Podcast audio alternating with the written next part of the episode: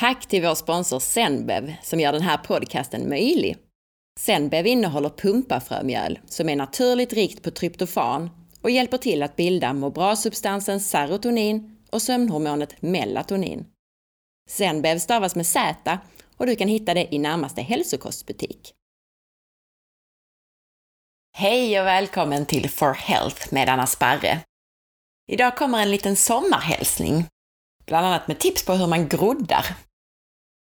Tack snälla ni som har lämnat betyg och recensioner i iTunes och till alla er som delar med er informationen om podden på Facebook och till vänner. Jag ser och märker att ni gör det och jag tackar så innerligt för detta. Jag tänkte läsa upp en recension som eh, skrivits i iTunes från någon som kallar sig för For Health Fan. och den lyder så här. Hej Anna! Jag tycker podden är grym. Ljudet är super numera och det är både lugnande att lyssna på dig samt intressant, givande.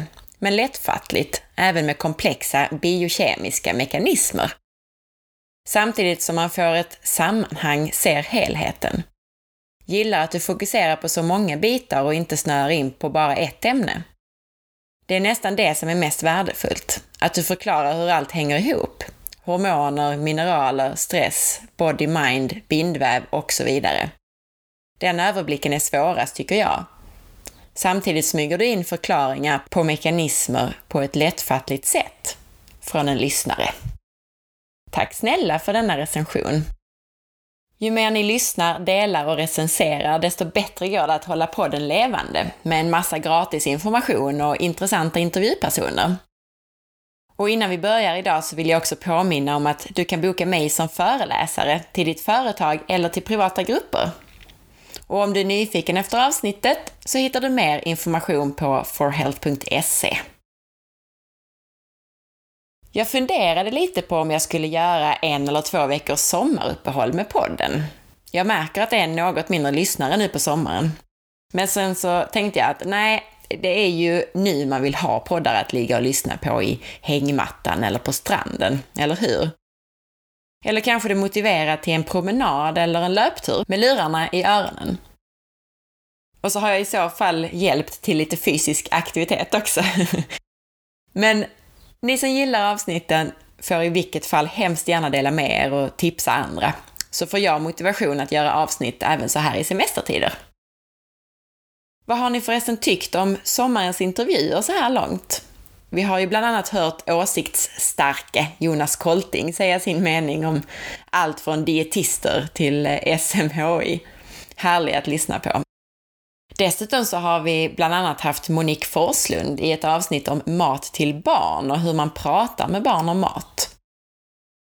Har ni massor med tid i solstolen så rekommenderar jag er att lyssna på alla vårens intervjuer igen. Inspireras till exempel av Anna Hallén eller lyssna på Annika Dahlqvist om hur LCHF grundades. Eller Birgitta Höglund som pratade om verk och hur man blir fri från fibromyalgi.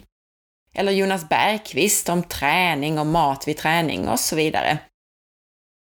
Många av er har önskat en intervju med Martina Johansson. Och den var egentligen bokad och skulle ha varit veckans avsnitt. Men så strulade tekniken till sig från den kinesiska sidan. Hon sitter nämligen i, i Shanghai.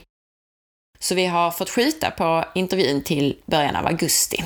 Så både för er som önskat henne och för er som ännu inte vet vem hon är ni får snart veta mer om henne och lära er en massa spännande biokemi med mera från henne.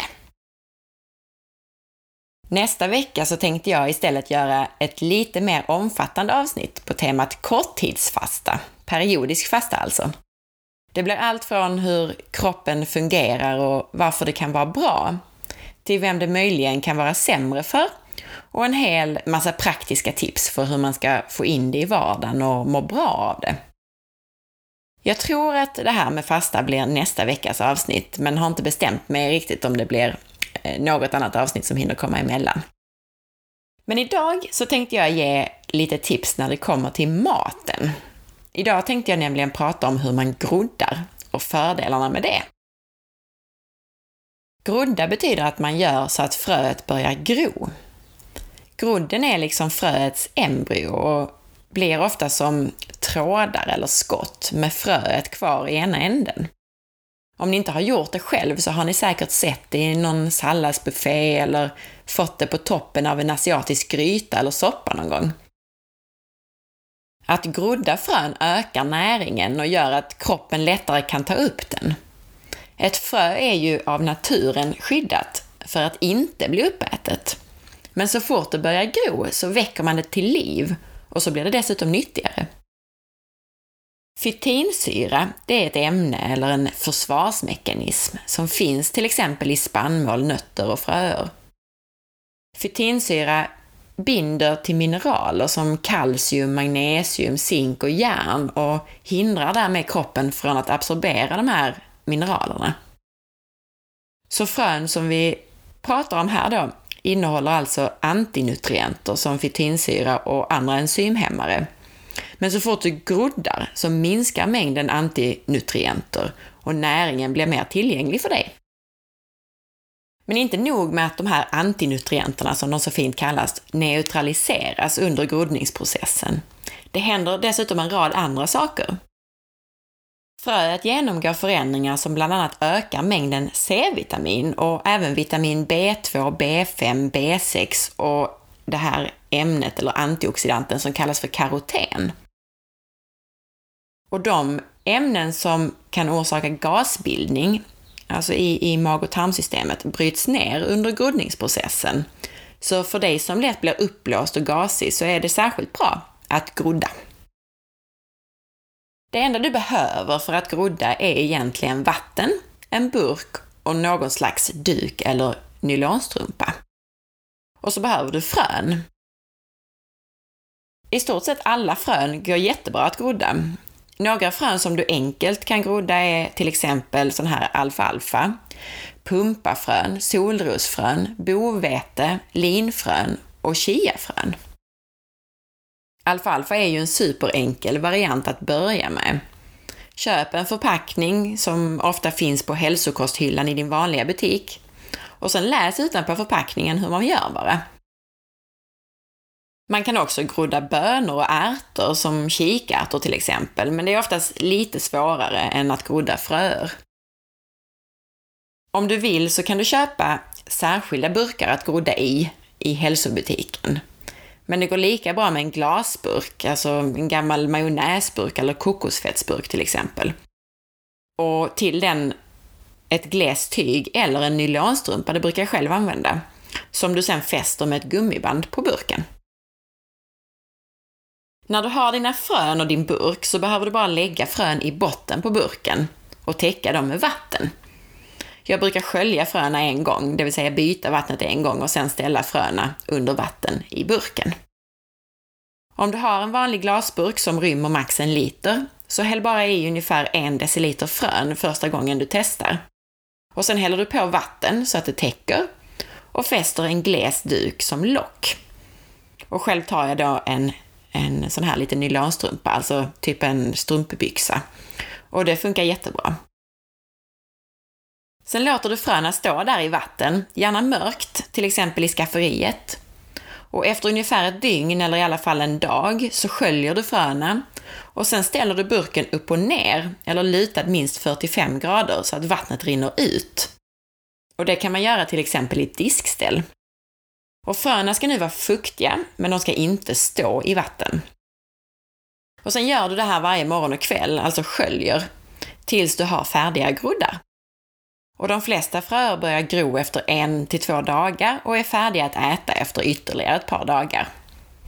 När de ser ut som groddarna i salladsbuffén ungefär, då är de redo att äta. Och det är viktigt att fröna hålls fuktiga för att de ska gro. Och det är viktigt att skölja för att det inte ska börja mögla i groddningen. Så sätt påminnelser i telefonen morgon och kväll så att du inte glömmer att, att skölja dem. Och minst två gånger per dag ska du skölja då, till exempel morgon och kväll. Men det går bra att skölja ännu oftare om man vill det. De färdiga groddarna, eh, de har man sen i kylskåp och där håller de i minst 4-5 dagar. Tänk bara på att tvätta händerna och använda en ren burk när du ska börja grodda så att inte fel sorts bakterier växer till sig under groddningen. Och peta inte heller med fingrarna i groddburken utan använd en sked om du måste peta runt. Så det fick bli dagens sommarhälsning och ett litet tips på ett enkelt och hälsosamt litet sommarprojekt. Att börja grodda alltså. Så in i strumplådan och fram med en gammal majonnäsburk och så tar du de frön du har hemma helt enkelt. Bara testa. Tänk bara på att det finns en del fröer, egentligen inte så mycket fröer, men framförallt nötter som är värmebehandlade och som inte kommer att gro eftersom de, redan, de har så att säga dödats i den här värmebehandlingen. Så funkar det inte med en viss sorts frön så köp några andra helt enkelt. De flesta fröer funkar. Och har du missat något av de tidigare avsnitten? Det finns ju faktiskt snart 50 stycken avsnitt. Har du missat något så se till att lyssna på dem i sommar. De är högst aktuella allihop och även om ljudkvaliteten är mindre bra på de allra första avsnitten så rekommenderar jag dig att lyssna på allihop. Tack så mycket för att du lyssnade idag och missa inte att följa med på facebook.com forhealth.se och på Instagram under signaturen asparre. Och gå som sagt gärna in i iTunes och lämna betyg och recension och dela med dig om du gillar avsnitten och titta in på bloggen på forhealth.se och önska intervjupersoner eller ställ frågor som du vill att jag eller någon annan besvarar i podcasten. Ha en solig dag och ta hand om dig!